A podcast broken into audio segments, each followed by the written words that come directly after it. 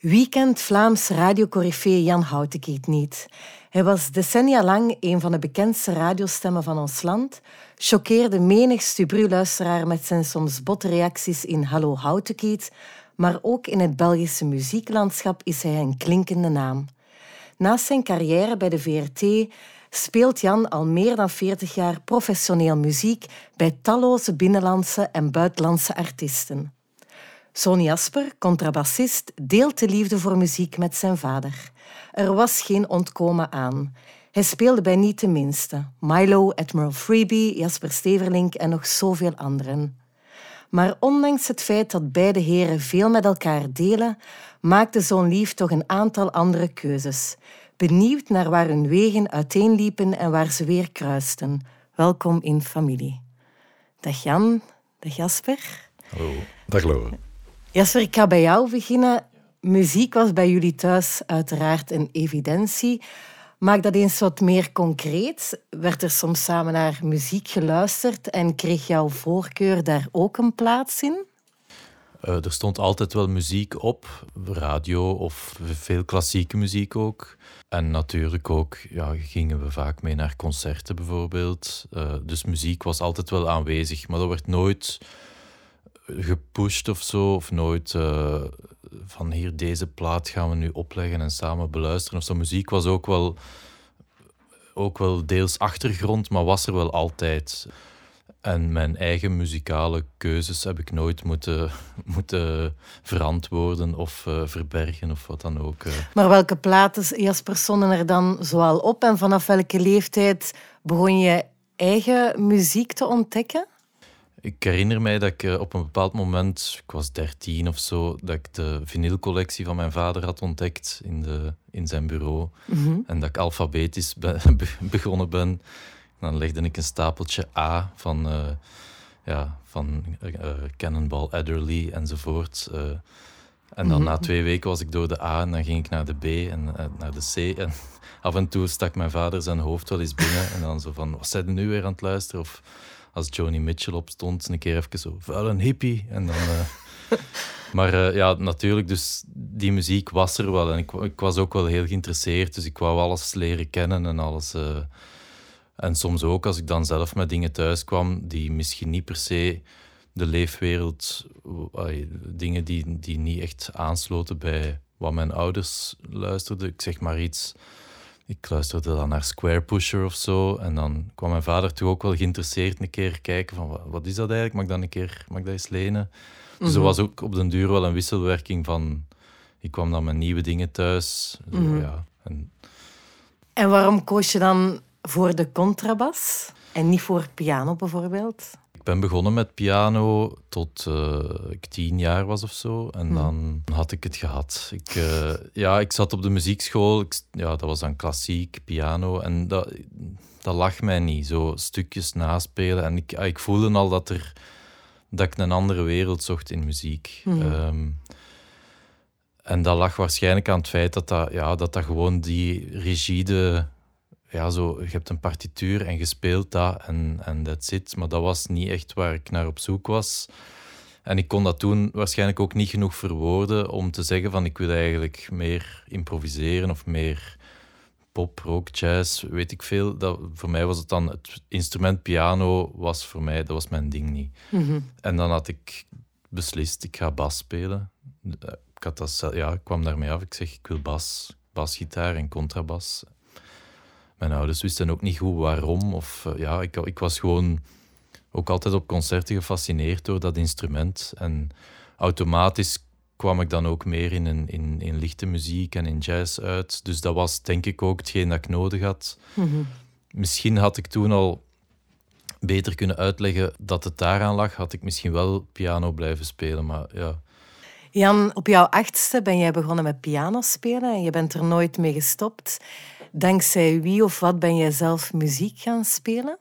Ik denk een beetje hetzelfde verhaal als Jasper. Muziek was, was er altijd, niet op een dwingende manier. Maar mijn vader had een grote collectie jazzplaten, maar ook een grote klassieke collectie. Popmuziek, daar waren mijn ouders niet zo mee bezig. Maar het zijn, zijn zij wel die mij op mijn zesde, denk ik, terwijl ik daar helemaal niet om gevraagd had en daar niet mee bezig was, mijn eerste singeltje gaven. En dat was If I Had a Hammer, een, bewerking van het nummer van Pete Seeger door Trini Lopez. En ineens was dat daar. En, ik was een beetje verbaasd, want ik, ik, ik, vroeg daar helemaal niet naar. Ik was er ook nauwelijks mee bezig. Maar dus hetzelfde verhaal, muziek was er altijd. En meer nog dan de muziek was in huis, was ook mijn, mijn ouders waren zeer actieve muziekliefhebbers. Gingen heel veel naar concerten, mm praten veel over muziek met vrienden, met kennissen, met de huisarts. Ehm, dus ze waren daar actief mee bezig. Ze hadden daar, die, die passie was niet zomaar een status, maar dat was iets waar ze, waar ze veel uit haalden. Mhm.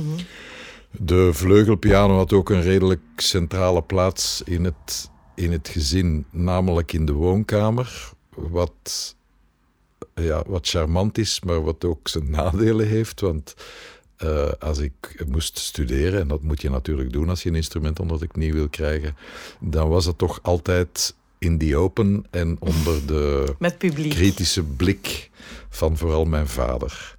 Die, die, niet, die geen verbaal commentaar gaf, maar ik voelde aan zijn lichaamshouding en af en toe is een kreun of een zucht, voelde ik van, het is niet zo goed. Speelde hij ook piano?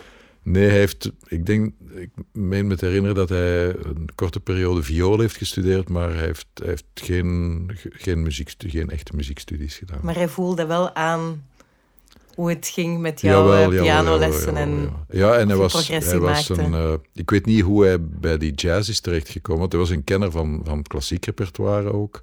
Maar vooral echt gepassioneerd in de, in de jazz. Ik weet niet hoe hij daar terecht is gekomen. Ik denk, hij was... Uh, net voor de Tweede Wereldoorlog was hij een tiener. Dus mm, misschien dat hij daar in de ja, in de big band periode, in het begin van de swing, dat hij daar uh, een beetje de, de mosterd had gehaald. Maar mhm. ook al het begin van de, of de aanloop naar de, naar de bebop.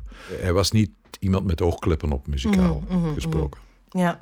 Maar het zat, het zat eigenlijk vooral bij mijn moeder, haar familie, echt in het bloed. Dus alle, de muzikaliteit. De muzikaliteit, uh, zowel zij en haar, en haar broer als de kinderen van haar broer zijn altijd en allemaal heel veel met muziek bezig geweest en in de meest uh, uiteenlopende genres en stijlen. Mhm.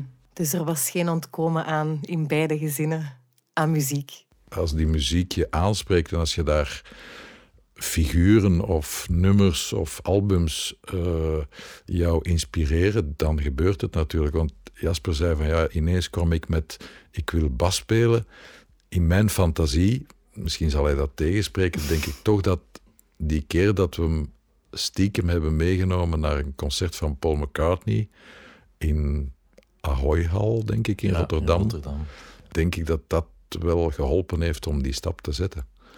Ja, maar in mijn herinnering was Paul McCartney niet zozeer een bassist, maar een, maar een van de Beatles en dan een zanger. En, Maar het zal misschien onbewust wel meegespeeld hebben. Hè. Uh, Mhm. Maar uh, mijn vader blijft ook altijd beweren. Ze zijn naar een concert geweest van uh, Level 42 ja. in 1981, toen ik, uh, toen ik nog in de buik zat. je, je, moet je voorstellen, de zaal Lido in Leuven, ik weet niet of de zaal nog, bestaat, werkelijk akoestisch een draak. Als je een voorbeeld wil geven van hoe het niet moet, dan is het dat. Keiharde, keiharde zaal. En daar speelde Level 42. En Level 42 was de groep van Mark King, die een bassist was en die, uh, laten we zeggen, dat uh, nogal uitgebreid wilde demonstreren, dat hij bas kon spelen. Er werd wat afgeslapt.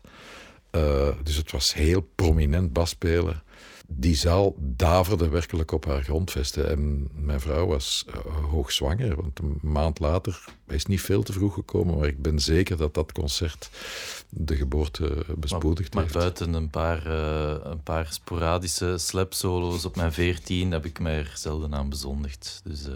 Voilà, jouw carrière was al vroeg begonnen, Jasper. in de buik. ja. ja. ja. Jan, in tegenstelling tot jouw zoon Jasper, heb je eigenlijk nooit voluit gekozen voor een muzikale carrière als beroepsmuzikant. Waarom? Ja, dat is een goede vraag. Ik heb één keer de kans gehad om, om de keuze te maken, maar toen ik, toen ik 18 was en ik, ik denk ook niet dat Jasper die keuze al op zijn 18 gemaakt heeft. Van, enfin, niet dat ik weet. Maar je zei daarnet wel, op een bepaald moment heb ik een keuze gehad. Wanneer was dat juist? Dat weet ik nog exact, want dat was uh, ongeveer op het moment dat mijn jongste dochter is geboren. Eind 88, begin 89 was het. En toen wisselde Soul Sister van bezetting. Mm En uh, ze zochten een aantal nieuwe mensen, waaronder een nieuwe klavierspeler. En ik kreeg die vraag van Jan Leijers, met wie ik al een paar dingen had gedaan en later nog dingen ook heb, heb gedaan. Zie je het zitten om bij Soul Sister te komen spelen? En in die periode was Soul Sister wel Huge. hot and happening. Uh, ze hadden, denk ik, toen al die hit uh, in, in Amerika. Ze, ze toerden, ze deden heel veel promotie in Europa. Dus dat was wel een aanbod om niet zomaar naast je neer te leggen. En ik heb daar ik heb daarover getwijfeld. Ik heb heel veel, enfin, niet heel veel, maar ik heb wat advies gevraagd van mensen die ik vertrouwde. En die zeiden allemaal, zo'n zo kans krijg je nooit meer. Je moet dat doen. Mm -hmm, absoluut. En ik heb het niet gedaan.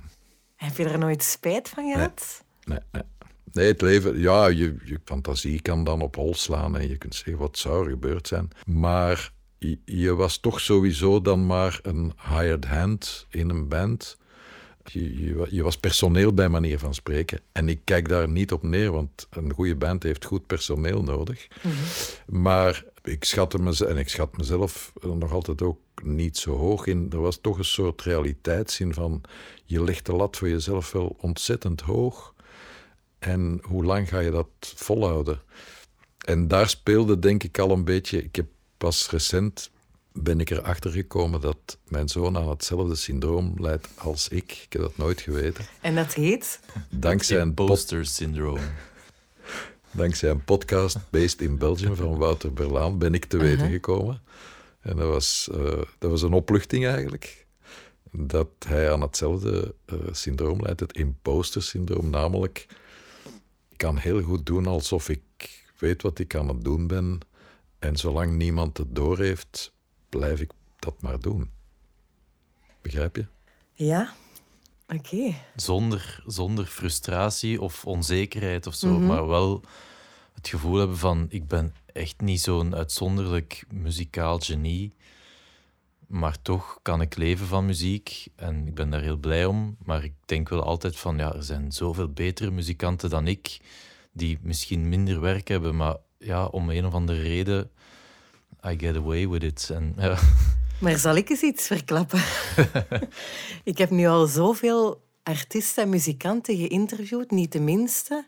En ik heb dit verhaal al zoveel gehoord. Zoveel artiesten. Maar ja, misschien is dat Kampen ook... daarmee, waaronder ook Jasper Severling, die ik heb geïnterviewd Mhm. enkele maanden geleden, Ja. maar nog vele anderen. Ja.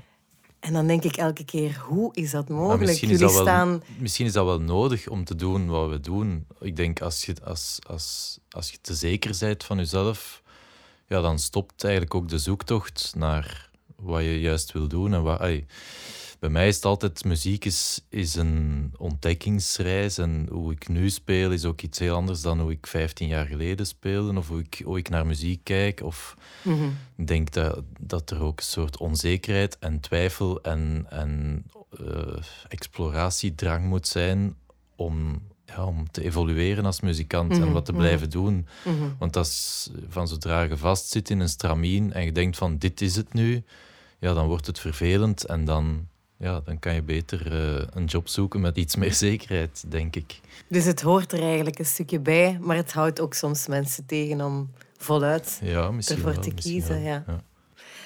Jasper, hoe was het om als zoon van op te groeien en een carrière uit te bouwen? Heb jij niet heel vaak de indruk gehad dat je werd vergeleken met jouw vader? Ehm, en heb je daar ook een soort van druk in ervaren? Zeker vroeger, ja, die vraag werd mij minstens tien keer per week gesteld. Zijt jij de zoon van? Ah ja, oké. Er werd altijd wel die link gelegd. Ehm, maar om nu te zeggen dat er, dat er druk... Ja, ik heb daar nooit echt een druk in ervaren. Ik heb dat ook redelijk snel van mij afgezet. Van, ik, ik moet zeggen dat ik zo als jonge gast soms, ja, zeker als, als puber of zo... Ik was al in bandjes aan het spelen en als ik dan ergens, ergens optrad, dan hoort je wel een keer iemand zeggen van... ah ja, maar ja, dat is de zoon van Jan Houtenkiet. Die zal wel zijn connecties hebben of weet ik veel wat. En dat omdat je een beetje onderschat werd. Ja, dus, en dat, nee, zo van een beetje een soort jaloezie van waarom staat die waar ik niet sta. En, en ik heb dat ook redelijk snel kunnen plaatsen van, ja, allee, als, het, als, als het niet goed zou zijn, zou ik hier ook niet staan. Ah, ik bedoel, ik weet, met, met de hand op het hart denk ik wel te kunnen zeggen dat mijn vader echt niet van nepotisme beticht kan worden of uh, van voortrekkerij of uh, lange armenwerk. Hmm. Maar ik bedoelde zeker niet alleen qua netwerk, want dat kan ik begrijpen, ook inhoudelijk. Ik had een maand geleden nog zo'n interview met Frank en Christian de Ruiter. En daar was dat heel merkbaar, dat Christian in zekere zin heel erg opkijkt naar zijn vader, wat hij allemaal kan en ook daar feedback aan vraagt. En tegelijkertijd heel erg de behoefte voelt om zijn eigen weg in te slaan en niet voortdurend... Maar um, hardop kijken was hier niet aan de orde. Dus Behalve letterlijk dan is de kop groter, dus ik moet altijd een beetje opkijken. Maar, uh... Nee, maar bijvoorbeeld als je iets maakt, heb je dan niet de neiging om aan, aan je vader te vragen wat vind je ervan? En, ja. en vind je dat belangrijk, wat hij ik, ervan vindt? Ja, zijn mening is... Uh, we, we, zijn elkaars uh, meest kritische... Ehm, aanspreekpunten. Als ik een nieuwe plaat klaar heb of zo, ik ga niet halverwege het proces advies vragen, maar als het klaar is, dan vraag ik hem vaak wel van hier, luister eens en laat weten wat je ervan denkt. Of als hij naar een concert komt, de ongezouten mening. Het is altijd heel, heel uh, terecht en concreet en, en, en constructief ook. Het is niet van, uh, we proberen elkaar ook niet te sparen daarin. En dat vind ik wel altijd heel, heel fijn om zo ja, dat is een mhm. heel, heel oprechte mening waar je ook iets mee kunt. En die je ook naast je neer kunt leggen als je het er niet mee eens bent, maar, maar je weet wel mhm. waar het over gaat. En dat vind ik, ja, dat heb ik wel altijd heel, heel hard geapprecieerd. En is dat ook andersom, Jasper? Doe je dat ook bij de muziek van jouw vader?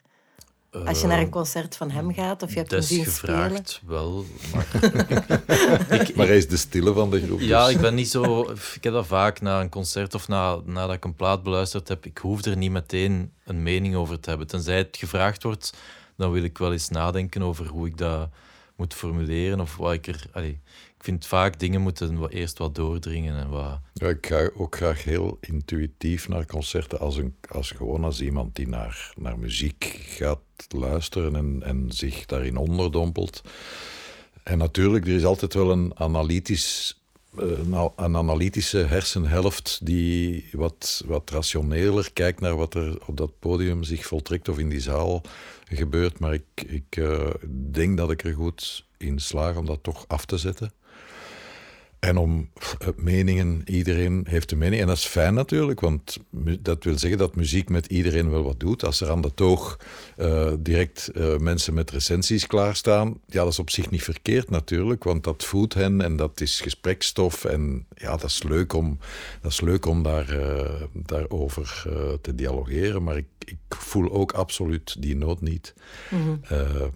Maar als het moet, en het klopt wat Jasper zegt, je moet een beetje recul laten. Je moet die, die zaken mhm, laten mhm. indalen. En uh, dan kom je vanzelf wel op, op nuttige, hopelijk nuttige kritiek. Jan, je houdt enorm van taal en muziek, jouw twee grote passies. Waarom is Jan Houtenkiet nooit een songwriter geworden? Hij zat zijdelings wel een paar keer geweest. Ik heb met Patrick Rigel heb ik wel wat songs geschreven. Ik heb wel eens iets met Wigbert gedaan. Met Rick de Leeuw heb ik wel een paar dingen gedaan. Maar ja, ik denk om een songwriter te zijn, moet je.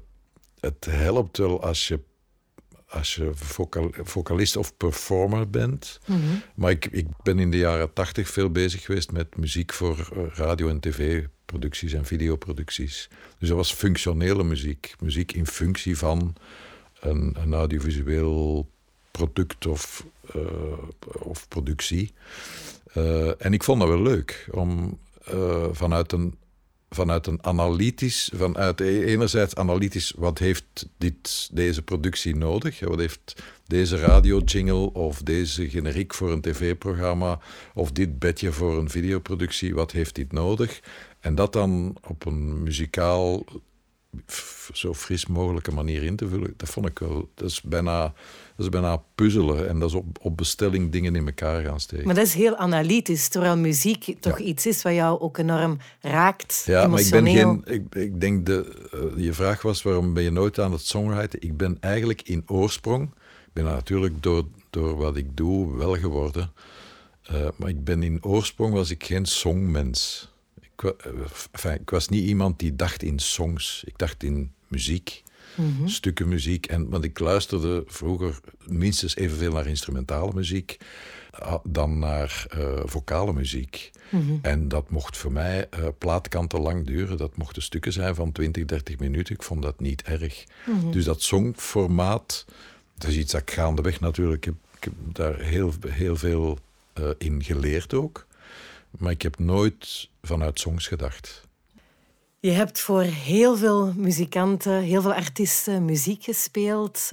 Gespeeld bij het BRT Jazzorkest. Je hebt voor Wim de Kranen, Philippe Katrien een eindeloze lijst. Ik vraag me dan af, welke vaardigheden heb je nodig om met zo'n uiteenlopende artiesten te kunnen meespelen?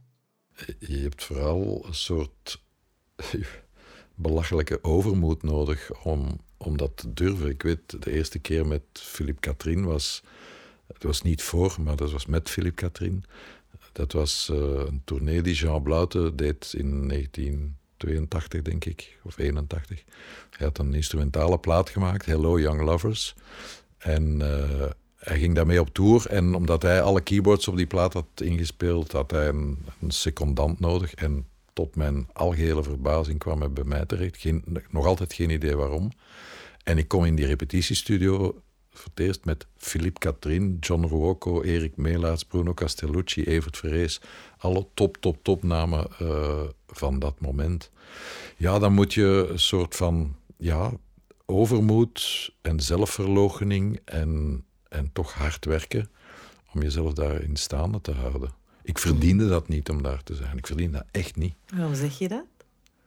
Omdat, ik, omdat, er, omdat er zo uh, tientallen betere pianisten waren te verzinnen. Maar, maar misschien is het, gaat het dan, dat is wat ik net bedoel, gaat het dan niet enkel om die technische skills alleen, maar gaat het ook over andere vaardigheden die nodig zijn om in zo'n groep of zo'n groepen te kunnen dienen? Ja, ik denk dat een band ook, of, of een samengestelde groep, gaat, gaat niet alleen over wie muzikaal het beste past. Het moet ook nog altijd een team zijn dat, mm -hmm, dat klopt. En ook, ook op persoonlijk vlak. Allee, het zal, eh, ik vermoed dat het muzikaal wel verdienstelijk genoeg zal geweest zijn om u erbij te vragen. Maar ook, het moet ook kloppen in die, in die samenstelling. Iedereen moet de juiste plek hebben. En soms zijn er veel betere muzikaal veel betere mensen te vinden die misschien minder goed passen in die groep. Of, mm -hmm, uh, mm -hmm.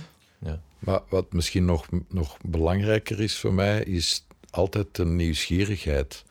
Eigenlijk toen ik met Patrick Rigel ben beginnen spelen, dat is ondertussen uh, meer dan 25 jaar geleden, of toen ik met Rick de Leeuw begon te spelen, dat is ondertussen ook 20 jaar uh, geleden.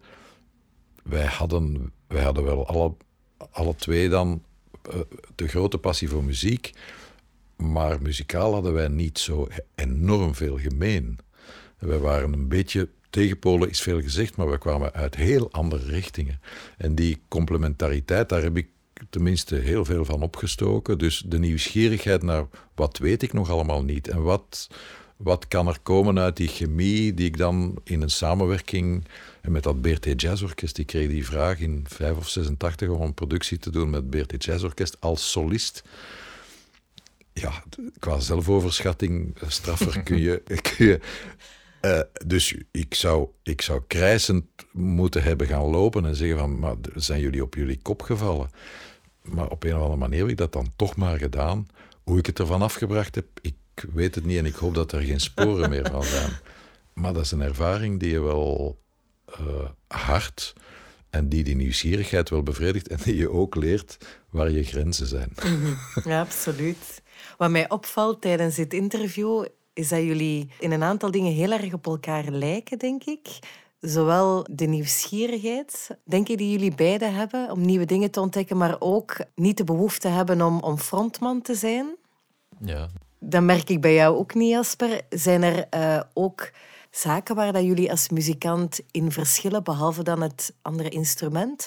Ik heb daar nooit echt zo over nagedacht, maar ik heb ook nooit echt het gevoel gehad dat ik, dat ik heb moeten vluchten van, van, van zijn wereld of zo.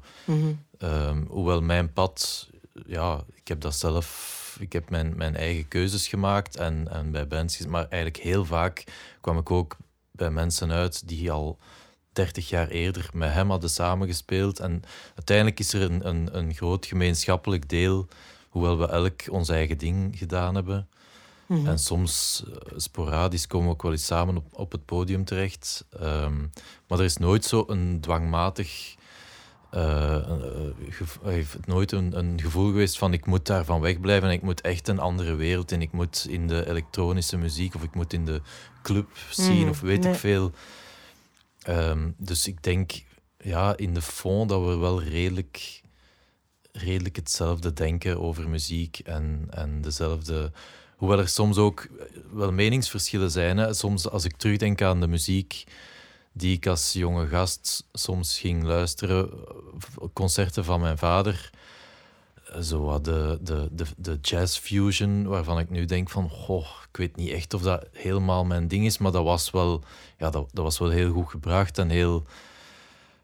Maar ja, het is niet omdat dat... Dat was op dat moment hot en ik snap ook wel dat dat toen zijn ding was. En, en ik, ik ga nu niet per se die richting uit, maar ik heb dat wel meegekregen. En dat zit, zit ergens in mijn muzikaal jargon ook wel, zonder dat ik daar zonder dat ik die richting ben uitgegaan. Dus er- er- dat is heel organisch allemaal gegaan. Gegooid, ja. ja. Maar ik denk, denk inderdaad dat hij daar matuurder in is. Dat hij veel meer de, een- een soort bullshit detector heeft. Maar wat hij detecteert als bullshit is voor mij, en als hij verwijst inderdaad naar, naar Fusion, is voor mij het plezier van te kijken naar mensen die eh, bijna extatisch muziek spelen. En, en eigenlijk op een of andere manier bijna uit zichzelf treden als ze, als ze muziek aan het, eh, aan het spelen zijn. En ik kan daar wel van genieten, van mensen die niet show-off, niet kijk mij is wat ik allemaal kan, maar die wel proberen grenzen over te vliegen en daarin soms de, ja, de, de goede smaak eh, aan, eh, te veel aan de kant zetten.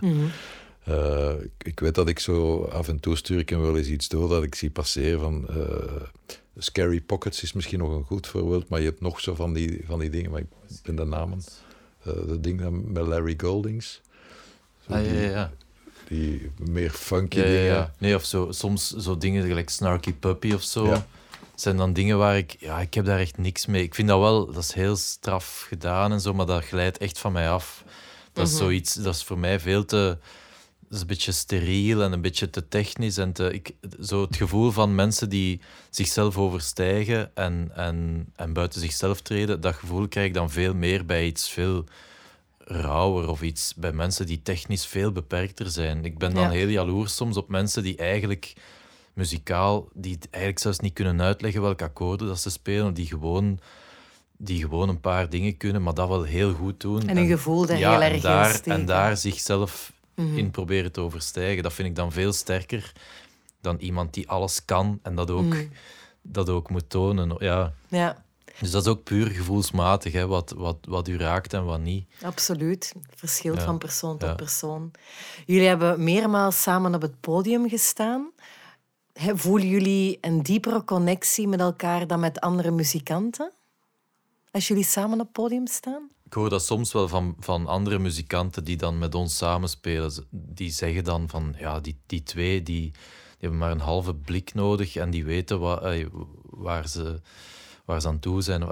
Dat dat bijna telepathisch is van... Ik weet niet, ik denk Patrick of zo, als we samenspelen met Patrick, die zegt dan ook van ja, die, die twee gevoelt dat dat familie is en dat, dat, dat zit op dezelfde golflengte. Ja, ik denk dat ik voel dat soms. We spelen niet heel veel samen.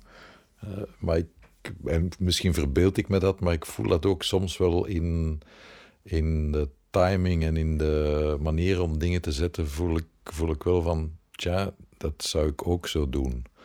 Dus daar voel ik wel een verwantschap. Zelfs al is Jasper een veel en veel betere muzikant dan ik ben, maar ik voel wel ja, ja, ja.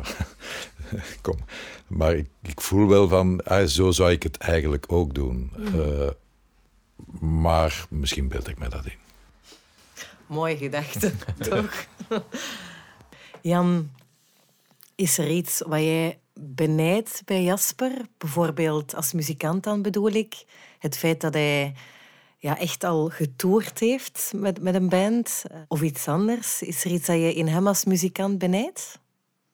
Ik ben niet zo benijdensachtig aangelegd. Alhoewel een gezonde portie jaloezie wel kan, kan uh, stimuleren. Maar het feit dat hij van muziek zijn leven heeft kunnen maken en dat op een goede manier doet en dat doet in een geweldig evenwicht tussen zijn muzikale bezigheden en het grootbrengen van twee kinderen, uh, dat, vind ik, dat vind ik de grootste prestatie. En dat is iets waar ik absoluut gefaald heb. Uh, het, werk, het werk was het werk en daarnaast was er nog muziek. En dat in, dat in een evenwicht brengen, dat vind ik dat vind de groot, allergrootste prestatie. Mhm. En dat, dat, zie je rond, dat, zie je natuurlijk rond je in de muziek, is dat vaak wel moeilijk. Niet alleen in de muziek, ongetwijfeld ook in andere disciplines. Maar dat in, dat in evenwicht brengen met elkaar. En ik denk dat de, dat de generaties die naar mij komen daar veel slimmer in mee omgaan en veel realistischer mee omgaan dan wij deden. Wij deden maar, wij deden maar, wij deden maar. En wij, wij jachten maar voort met twee T's. Uh, ja. Maar ik, als, vanuit mijn ervaring, mijn, mijn vader was eh, in mijn jeugd een redelijk afwezige figuur. Maar als hij er was, was hij er wel. En hij heeft ons wel heel veel, heel veel meegegeven en heel veel kansen gegeven. En eigenlijk alles wat ik nu doe, is ook door de kansen die ik gekregen heb. Mhm. En ik heb helemaal niet het gevoel van mijn vader was er niet voor ons of zo. Hij was fysiek niet altijd aanwezig, maar hij, hij, was er denk ik wel altijd. En ik, het is eigenlijk ook pas sinds tien jaar of zo dat ik besef wat een waanzinnig uh, leven of wat een energie hij heeft, of, of, hij nog altijd heeft, maar toen ook had. Eigenlijk de combinatie van twee voltijdse jobs, voltijds bij de radio en eigenlijk even voltijds als ik nu met muziek bezig ben, dat ook nog eens ernaast. Dus dat is eigenlijk waanzinnig. En ik voel mij, soms als ik daaraan denk, voel ik mij een ongelofelijke luier. Ik, dat ik maar één van die twee dingen doe. Maar ik heb, dat, ja, ik, ik heb dat ook wel heel hard nodig van mijn tijd uh, om op te laden voor een concert of voor dingen te maken. Of, en, en mijn tijd om, ja, om, om met dagdagelijkse dingen bezig te zijn. Mm -hmm. Maar bij mijn ouders was dat nu eenmaal zo, dat is zo gelopen. En dat is een keuze dat mijn vader daar helemaal voor ging, voor, voor radio en muziek. En dat mijn moeder uh, er was om het huishouden in goede banen te leiden. En dat werkte heel goed. En, en ik heb daar helemaal geen, uh, geen mm. bitter gevoel aan overgehouden van mijn vader was er niet voor ons. Eigenlijk helemaal niet. Integendeel mm. heb ik het gevoel dat, dat alles wat dat wij nu doen en hebben en dat dat wel is door de kansen die we gekregen hebben van onze, ja, van onze beide ouders. Ja. Mm. Jasper, Jan, dank je wel voor de fijne babbel. Graag gedaan. Met plezier.